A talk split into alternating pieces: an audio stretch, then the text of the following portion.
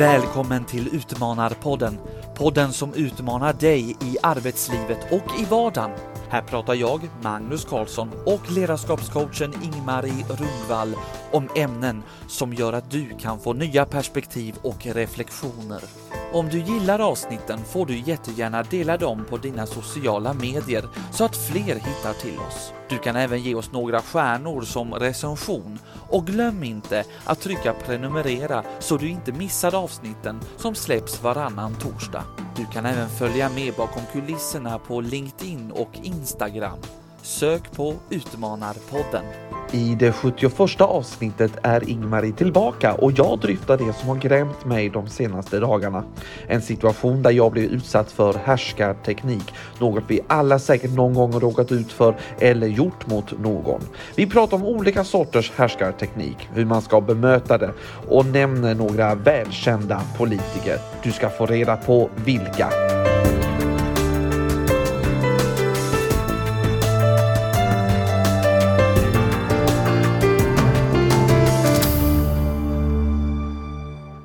Då Ingmarie är det dags igen för oss att podda och eh, den här gången så ser vi varandra på skärm.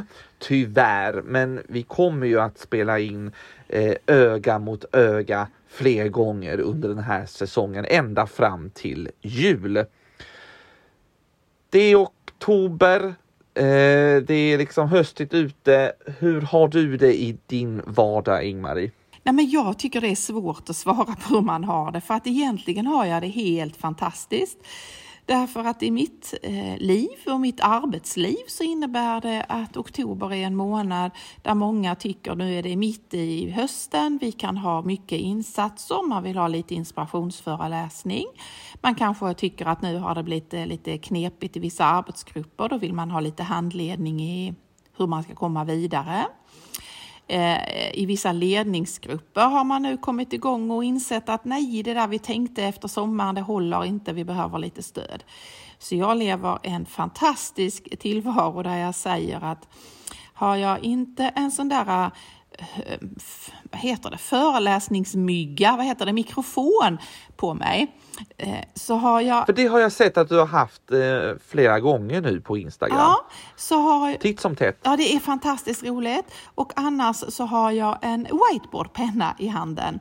Eller så sitter jag på morgonkvisten och försöker få ihop en powerpoint för att den ska vara direktanpassad till just det uppdraget jag har. Så jag har det jätteroligt. Men du Magnus, hur har du det? Har julen kommit nu eller hur ser det ut för dig?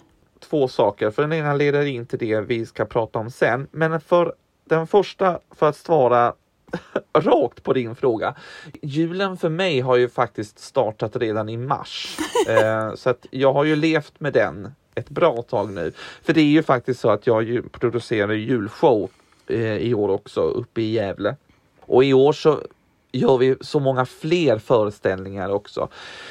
Och du vet ju, det är liksom en blandning av att man ska hålla ihop det här. Som producent är man som en projektledare för er som inte vet om det. Och då har man ju liksom koll på allt. Och så får man inputs därifrån, man är problemlösare, det kommer, dyker upp ständigt nya saker. Man måste gå in i förhandlingar, man måste se alla, man ska ge svar på frågor som man inte har en aning om själv, men man får väl försöka gissa. Vi kanske kan göra på det här sättet. Du vet allt det där. Men jag har ju fantastiska kollegor i det här projektet också. Eh, och snart så börjas det repeteras och sen så den första december så kör vi vår första föreställning. Så att eh, det är liksom, och så det är ju, åh, jag skulle vilja berätta så mycket roligt eh, för att jag har roliga gig på gång, men jag kan liksom inte avslöja det. Så att vi stoppar där kan jag säga. Nu blev till och med jag nyfiken som din poddkollega ja. vad som är på gång. Jag men, men jag måste säga att det är ju en reflektion när du säger julen har varit på gång sedan i mars. Här tycker man att eh, skumtomtarna kommer lite tidigt till varuaffären, men alltså mars, där slog det ju rekord tyckte jag.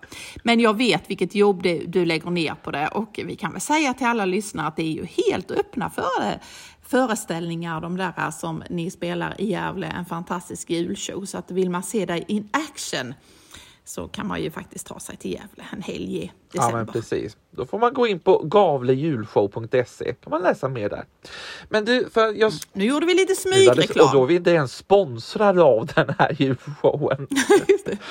Men du, för att faktiskt svara eh, del två i det här svaret eh, så är jag faktiskt lite, ja, lite missmodig sådär. Eh, det hände en grej i veckan som jag har liksom gått och tänkt på. Eh, och eh, jag tänkte att och, och vi, vi pratade ju innan så här, vi, vi diskuterade vad ska vi prata om och då eh, pratade vi just lite om detta så då tänkte jag så här, men då drar jag det här så kan vi liksom ta oss vidare i det här ämnet. Jag ska försöka ge upp en bild av nu vad som hände. Vi var fyra stycken på ett möte eh, och eh, eh, chefen då, vi skulle liksom prata om, ja, det var liksom prognoser och, och budget och sånt liksom för nästa år.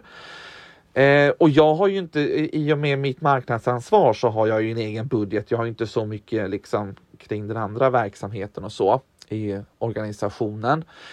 Men vi var några stycken, bland annat ekonomiansvarig och, och chef och jag och en till som har hand om personal. Och kan jag ibland känna så här att nej, men alltså det här är inte min cup of tea.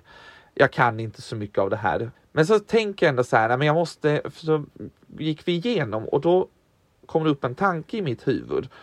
Och då så eh, säger jag den tanken. Eh, och då får jag liksom till Alltså svaret ifrån den här chefen, då tänker jag så här, men då tar vi väl upp den här tanken och den här tas på allvar. Men nej, det gjordes det inte. Utan det var bara så här lite, ja okej, ja. Nej, men nu är det faktiskt så här att vi måste göra på det här sättet istället. Och då kände jag mig liksom nedtryckt. I mitt huvud så hade jag liksom stärkt mig lite till. Nej, men nu måste jag säga det här. Även om inte det här är mitt område så måste jag ändå säga det här. Det var liksom som en snärt kan man säga. Så att jag kände lite så här efteråt att så här, jaha, men då kanske inte jag ska vara med på de här mötena. Och det gjorde mig lite missmodig. Kan du förstå känslan Ingmarie? Jag kan både förstå känslan, jag, kan ha känt, jag har känt den själv såklart, men jag kan också känna igen det här mönstret ifrån som jag börjar med att säga att jag är i arbetslag och jag är i ledningsgrupper och sådär. Att jag ser saker på de här äh, mötena eller i samspelet, det behöver inte bara vara organiserade möten, men i samspelet som, som faktiskt inte alls är okej. Eh, och, och det jag alltid säger då, det är ju det där måste du sätta ord på. Men de flesta tänker, ah, det där det hände ju i veckan, nu är det en ny dag, vi, vi fortsätter. Eh, jag, nu, nu, jag har svalt, jag går vidare.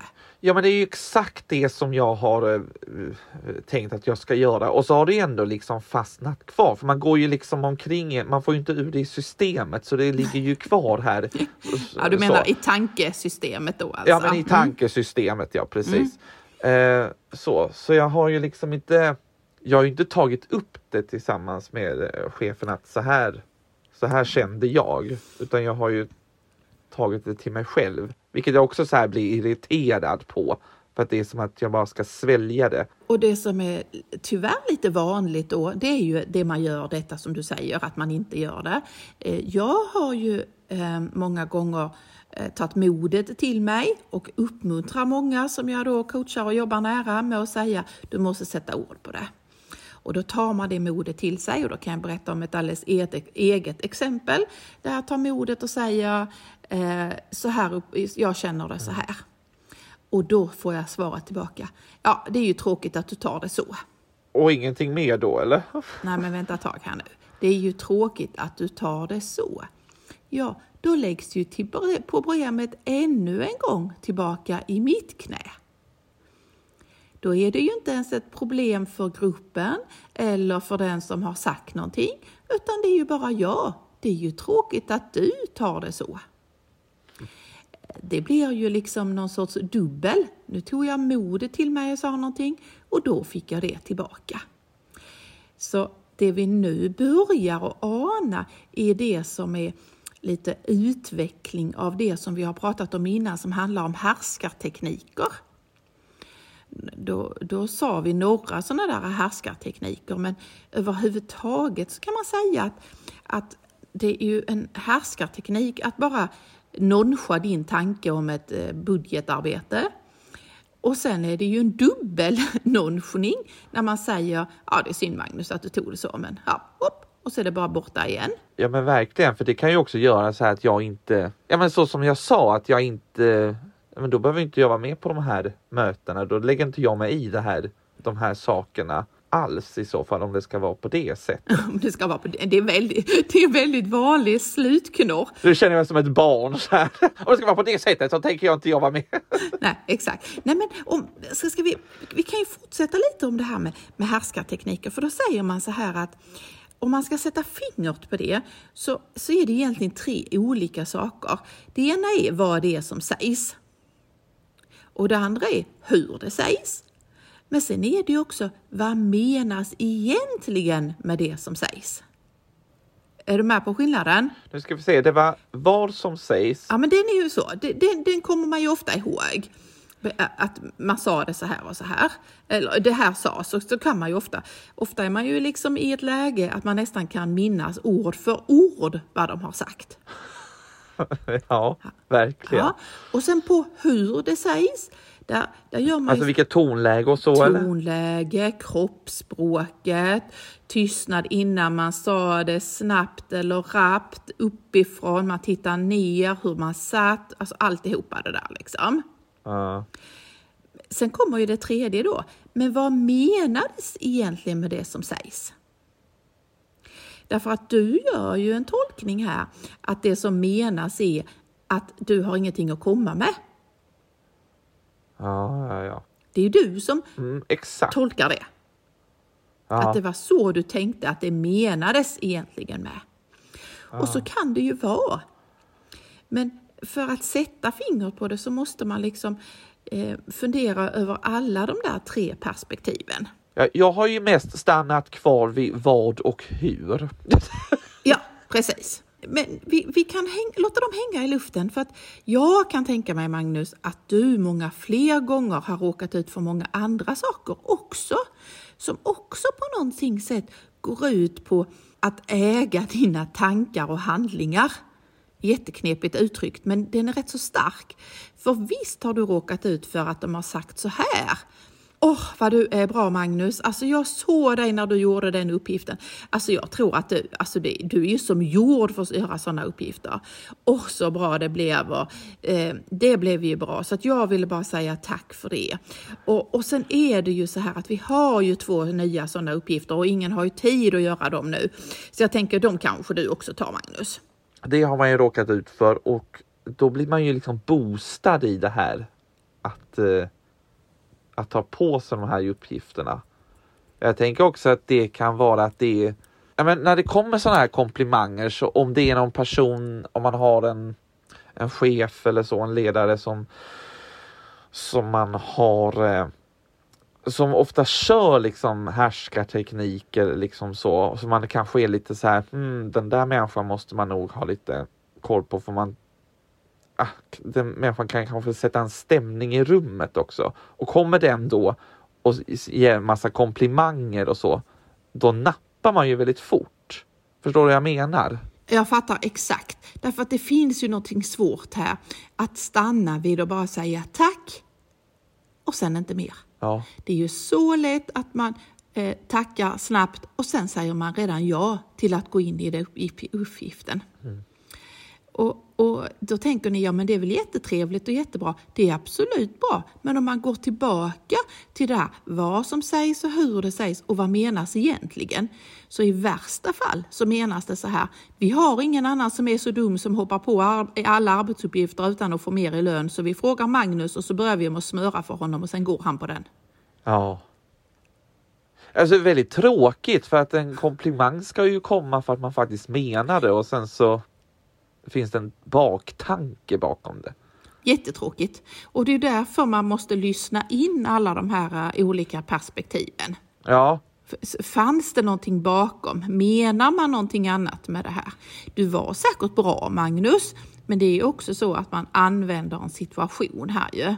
Och det svåra blir ju att separera komplimangen ifrån uppgiften. Man smörar mycket, sen kommer den där eh, eh, Eh, den där uppgiften ganska snabbt in på det så att man inte ska kunna värja sig. Och nu ska vi ju inte gå runt och tro att alla har sådana baktankar. Det blir ju jättehemskt. Jag vet att du gör många bra gig och så och du vill ju ha fler gig, så det är inte det. Men ibland måste man ju också tänka liksom, vad var det nu som hände? För jag tror att vi alla har någon erfarenhet av att just det, nu sitter jag här igen och har blivit klassförälder eller nu sitter jag här igen och slickar frimärken. Nu gör man inte det för det är klister på dem. Men i alla fall, sätter frimärke på massa kuvert. Därför och man att... postar inte så mycket längre. Nej, just det. Jag kom på någonting annat då. Men förstår du? Man sitter där med de små uppgifterna som ingen annan löste. Mm. Det, det, är ju en, men man kan ju mötas av mycket mer. Man kan ju till exempel eh, mötas av att, att den där man pratar med säger de där orden som man inte vill höra. För då kan man också känna att de andra äger ens tankar. Men vad kan det vara för uh, ord? Nu får du utveckla där. Vad tänker du? Ta oss med! Ja, men till exempel om ni säger att det kan ju både vara på jobbet, men det kan ju också vara i en, en bekantskapskrets där man säger ja, kan vi inte göra detta och detta och i så fall så kostar det vars 400 kronor.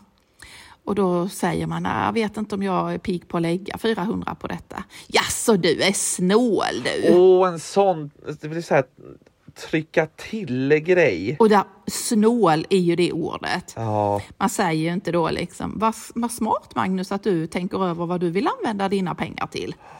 Utan man trycker till med ett stickande ord som verkligen inte är smickrande utan snål. Jag mötte det bara för någon vecka sedan där Eh, jag var på någonting och så tyckte jag att vi skulle försöka att lyfta det här till en lite större fråga för att här var en rätt så stor eh, komplex sak i botten. Och, och, då tog jag mod till mig och sa, jag tror vi ska tänka på ett annat sätt eller sådär. Liksom. Och, och då fick jag tillbaka, jaså du, en sån som inte vill ticka, hitta, eller vad var det nu de sa, vänta ett tag, nu ska jag se om jag kommer ihåg det där vad som sades. De sa, jaha, jaså, du vill inte att vi ska göra en sån där smidig lösning, du vill bara krångla till det. Ja, men hur tar, precis. Och då måste, hur bemötte du det då? Nej, men det är där vi, vi hela tiden eh, det är ju en av de sakerna som jag försökte säga i början här till dig Magnus, att man måste ju sätta ord på det och så måste man för, liksom överväga med sig själv att om det går runt i ditt tankesystem så måste du sätta ord på det. Det är oftast det bästa. Och nästa är ju att faktiskt sätta ord på det inför den eller de som sa det. Och vi kommer snart till vad är det man ska säga, men på något sätt generellt så är det till att säga Eh, jag förstår inte riktigt vad du menar med skillnaden mellan att lyfta en fråga och göra en smidig lösning. Eh, kan du förklara vad, vad det är som är olika saker här? Det kan väl också vara så att eh, jag, jag vet att jag hade en, en kollega som gärna ville ah, äh, trycka till.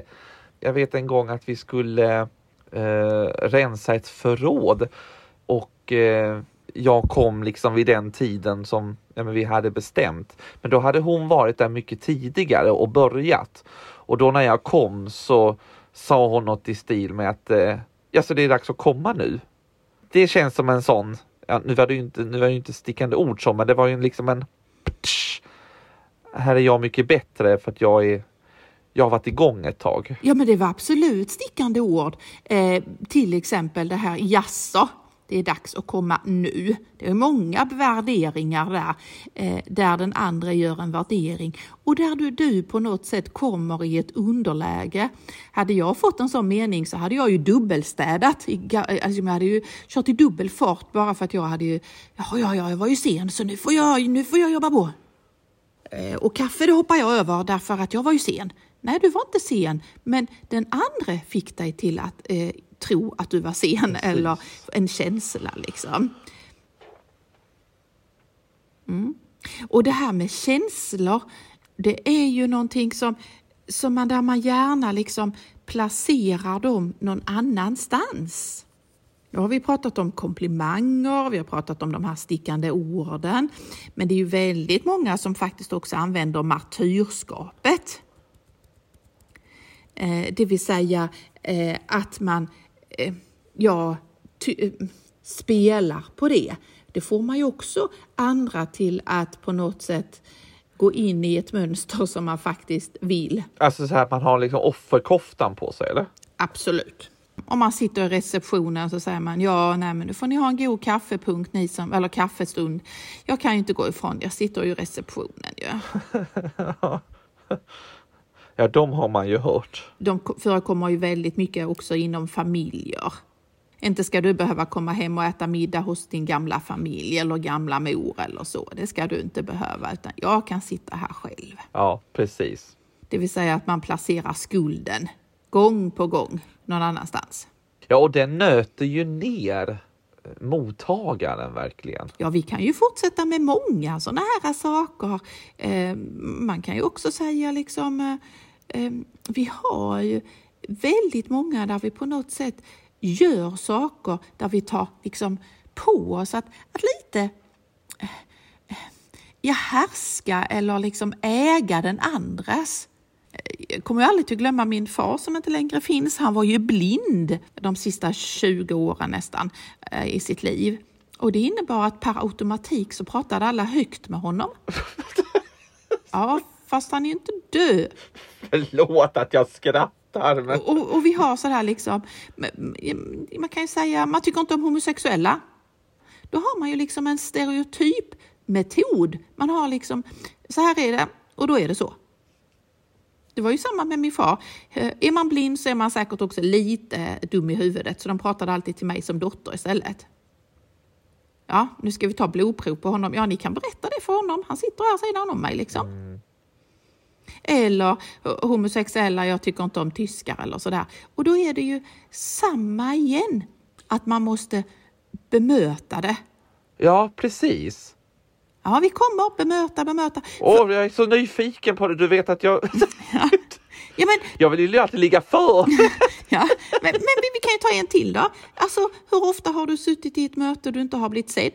Ja, men det är nog... Eh, ja, nu kommer jag inte på, men det har ju, det har ju skett i alla fall. Och då är det ju liksom alla de här sakerna går ju på något sätt ut på att den andra utan någon eh, logisk förklaring och utan ett vettigt argument så får de igenom ja. det.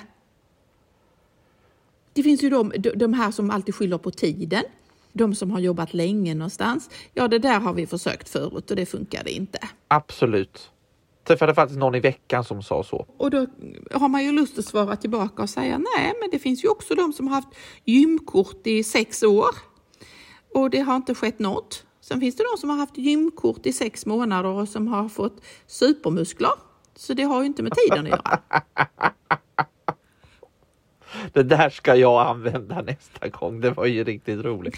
Nej, men alltså på något sätt alla de här eh, tråkiga metoderna vi har lyft här, de går ju alla ut på det här att, att, att det är någon annan som tar över eh, situationen och i värsta fall tar över dina tankar och handlingar. Alltså, vet, jag, vet nu när vi sitter och pratar om det här, då kommer det ju upp en situation där det faktiskt var jag som eh, gjorde en eh, härskarteknik. Ska jag berätta om den? Mm.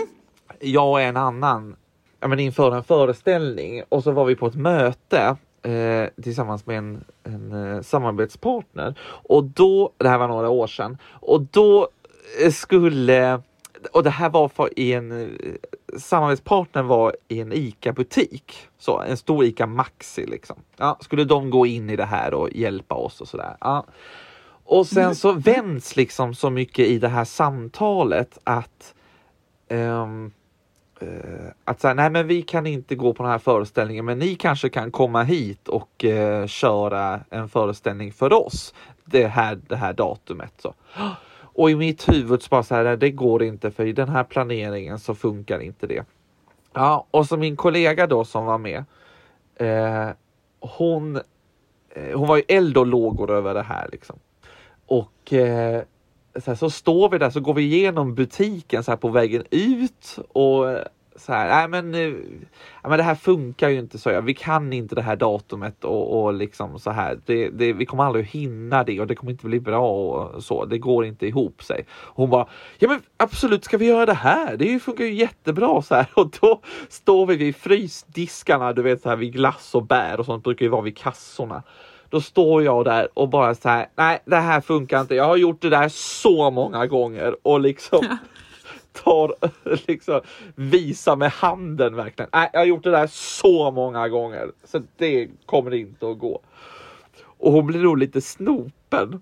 Och hon bara okej, okay, okej, okay, okej. Okay. Och sen så när jag väl hade fått, alltså på eftermiddagen sen när vi skildes åt och så, då kände jag så här, oj vad jag gick lite väl hårt på det här. För hon hade ju inte liksom den erfarenheten som jag hade så. Så att sen när vi sågs på kvällen sen så sa jag det så här, ja, jag får ju liksom be om ursäkt för det lät ju kanske, det blev lite fel här hur jag menade. Nej. Eh, så, för då kändes det inte bra i magen för mig hur jag hade framställt detta och det hade ju inte känts bra för henne heller. Hör jag ju på henne. Så att vi redde ut det där. Sen har vi kunnat skratta åt det här i efterhand. Vi tar det exemplet någon gång ibland då och då. Liksom. Jag har gjort det där så många gånger. Och så står du vid bär och, bär och frukt eller bär och glassdisken ja, och bara liksom. Exakt, ja. exakt. Och det var ju en riktig sån där härskarteknik. Ja, exakt. Och, och det är skönt att inse. Det är klart att vi ibland åker dit allihopa när man känner att man är trött och så liksom får man till en, en snart på sina meningar. Mm. Och, och, eh, där är man ju olika, men både du och jag som har lite talets gåva har ju naturligtvis lättare för det. Det får man ju också erkänna. Men när du, nu när du pratade så kom jag att tänka på, jag är ju väldigt intresserad av att förstå svensk politik och sådär. Och, och där var det så då att eh, Göran Persson sägs vara en sån som verkligen eh, kunde Eh, få till att äga situationen, en av våra gamla statsministrar. Han kunde liksom precis innan man gick in i någon valdebatt eller någon tuff debatt i tvn eller så, så kunde han precis innan han gick in bara säga Oj, har du gått upp mycket i vikt eller? Ja, precis. Det har ju Maud Olofsson eh, sagt Berättat om ja. Mm. Och, och jag då, ja, när, du, när du, jag vet inte varför, men jag fick någon tanke här när du berättade hur du dominerade i glassdisken där. Ja. så, så kom jag att tänka på att en av de första sådana här valdebatterna som jag såg på eh, eh var, eh, nu ska jag tänka tillbaka, det var 76, jättelänge sedan. Um, då var det med han som hette Olof Palme då, vår statsminister som tyvärr blev sen mördad, och eh, Torbjörn Fälldin som var Centerpartiets ledare. Och mer olika kan man nog inte vara än de två. Olof Palme var väldigt rapp i munnen, eh, och rapp i tanken och rapp i käften om man uttrycker det på ren svenska. Medan Torbjörn Fälldin, eh, antingen så var han väldigt eftertänksam eller så hade han gjort sin, pol, liksom sin image jag tror ja. faktiskt att han lite var det också. En eh, bonde, jobbade med får, stor eftertanksamhet, eftertänksamhet, tänkte på varje ord och på varje svar. Du skulle inte vilja haft med den här Torbjörn Fälldin i podden därför att han började också att när han skulle tänka så gjorde han så här. Eh, och, och det var mycket det. att klippa bort där i början av varje mening. Då hade det inte varit roligt att ha en podd och försöka få bort alla biljud, för det var väl ett biljud. Eh, nu kom jag på något roligt, det var kanske mer ett fårljud. ja. oh. den var lite dålig. Men i alla fall, då minns jag den där debatten och jag minns att morfar ser den också. Och eh, Palme, han, han, var rapp och han var så arrogant och han liksom fullständigt uh, bara ägde hela situationen skulle man kunna säga om man hade använt dagens ord. Men det som var intressant, det var att det var Feldin som vann. Så det var det året som Centerpartiet eh, blev det största partiet och gick till makten. Det har ju inte hänt sedan dess ju, men, eh, och det var nog för att man tyckte man fick liksom lite folkets empati till den här eh, långsamma eh, bonden. Liksom. Han gav någon sorts trygghet och så tyckte man då att, att Palme hade så. Eh, och det är intressant att, att det, du det jag egentligen säger är ju att andra upplever ju också det. Eh, så skulle vi hoppa tillbaka till den där glassdisken och frågat ICA-personalen som kom gående förbi där och hörde Magnus dominera. Hade kanske sagt, ja men den här tjejen som var med dig, vi ska väl göra som hon säger. Eh, därför att om man allt för mycket går på. Det var jag en intressant reflektion. Ja, verkligen. Nej, men ska vi fortsätta med alla gamla politiker så Carl Bildt, han är det ju, finns ju också ett rykte om. Han är ju fortfarande lite aktuell ju. Eh, och eh, han finns det ju också rykte om att, att han har en teknik som innebär att när journalister ska börja ställa frågor så börjar han alltid med ifrågasätta frågorna. nu är det så här att uh det här var ingen bra fråga och vad menar du med den frågan och den frågan är otydlig och vad menar du egentligen och så. Och så får han dem till att, även om de är väldigt pålästa och vet vad de kan, så på något sätt får han dem till att eh, ställa de frågorna han själv vill. Ja. Så kan han bara äga situationen. Jag tänker att, lätt, att det lätt blir en vana också som en man som Carl Bildt. Ja, ja, det blir ju en teknik som man använder. Och alla de här metoderna jag nu har pratat om idag, allt ifrån att man utesluter vissa till att man säger det där argumentet om tiden eller att man leker martyr eller jaså du är sno eller sådär. Många av dem gör ju det väldigt omedvetet. Men för det är det ju inte okej. Okay. Och för de som gör det omedvetet så måste de bli medvetna om vad är det egentligen de gör. Oh! Så nu Magnus! Kommer vi till hur man bemöter ja. detta nu eller? Man bemöter det inte på samma sätt. Utan man bemöter det med nyfikna frågor tillbaka. Därför att ofta faller deras argument, argumentation då. Om du skulle säga till den här eh, som säger ja, men det har vi gjort förr, det gick inte. Och du säger, ja fast jag vet en som gick och tränade i sex år och det hände ingenting. Jag tänkte, ja, han kanske bara mest hade köpt sitt kort, medan andra får ju faktiskt resultat. Så det har kanske inte med tiden att göra. Hur tänker du? Att man på något sätt får ställa frågorna tillbaka. För att om man inte gör det så fastnar det i väggarna och det är ju där man ofta säger, ja men det här kommer och det har fastnat i väggarna. Men det fastnar inte i väggarna för väggar har inte klister. Utan det fastnar i människorna. Ja, här är det så att vi tycker synd om varandra. Här är det så att vi leker, att vi är synd om vissa. Här är det så. Och så kommer alla in i ett mönster. Och det där måste man bryta. Och det är det enda är att man vågar säga det där som du sa nu, det uppfattade jag på ett konstigt sätt. Så vill du förklara vad du menade? Men det är ju lätt också att gå in i eh, konfrontation. Jag tänker så här, ja, men jag tycker inte om homosexuella och då kan det ju bli så att man bara man går direkt in i någon sån här försvar liksom att så här, det här är fel ja, men som om offerkoftan är på hos någon så här. Nej, det var ju kul för er att ni kan hinna dricka kaffe så här. Och att man bara så här snäser tillbaka någonting. För att man så lätt går in i deras handlingsmönster och deras kommunikationsmönster. Exakt. Så egentligen är det ju två saker som är utmanande för den som är utsatt för detta. Det ena är att man ska sätta ord på det och sen ska man våga lyfta det. Men sen ska man också hitta ett annat sätt att prata än det sättet som de pratar. Det vill säga inte gå in i det här mönstret utan faktiskt eh, våga säga och sätta ord på det. Och då måste man ju också själv på något sätt våga säga eh, Tråkigt om du uppfattar att jag menar, sa det på det sättet. Min tanke var det här. Precis som du gjorde med, med glassdisken. Man måste ju inse att man gör ju själv sådana ja. saker. Om man själv åker dit. Så, så konsten på något sätt är ju att inte beskriva hur saker är utan hur de känns för dig. Så bör jag gå till min chef nu på måndag och säga att det, så här kändes det under detta möte? Exakt så måste du faktiskt göra. Oj, oj, oj, oj, oj. Ja, och hur det kändes för dig. Du ska inte säga mötet blev dåligt. Du leder dåliga möten.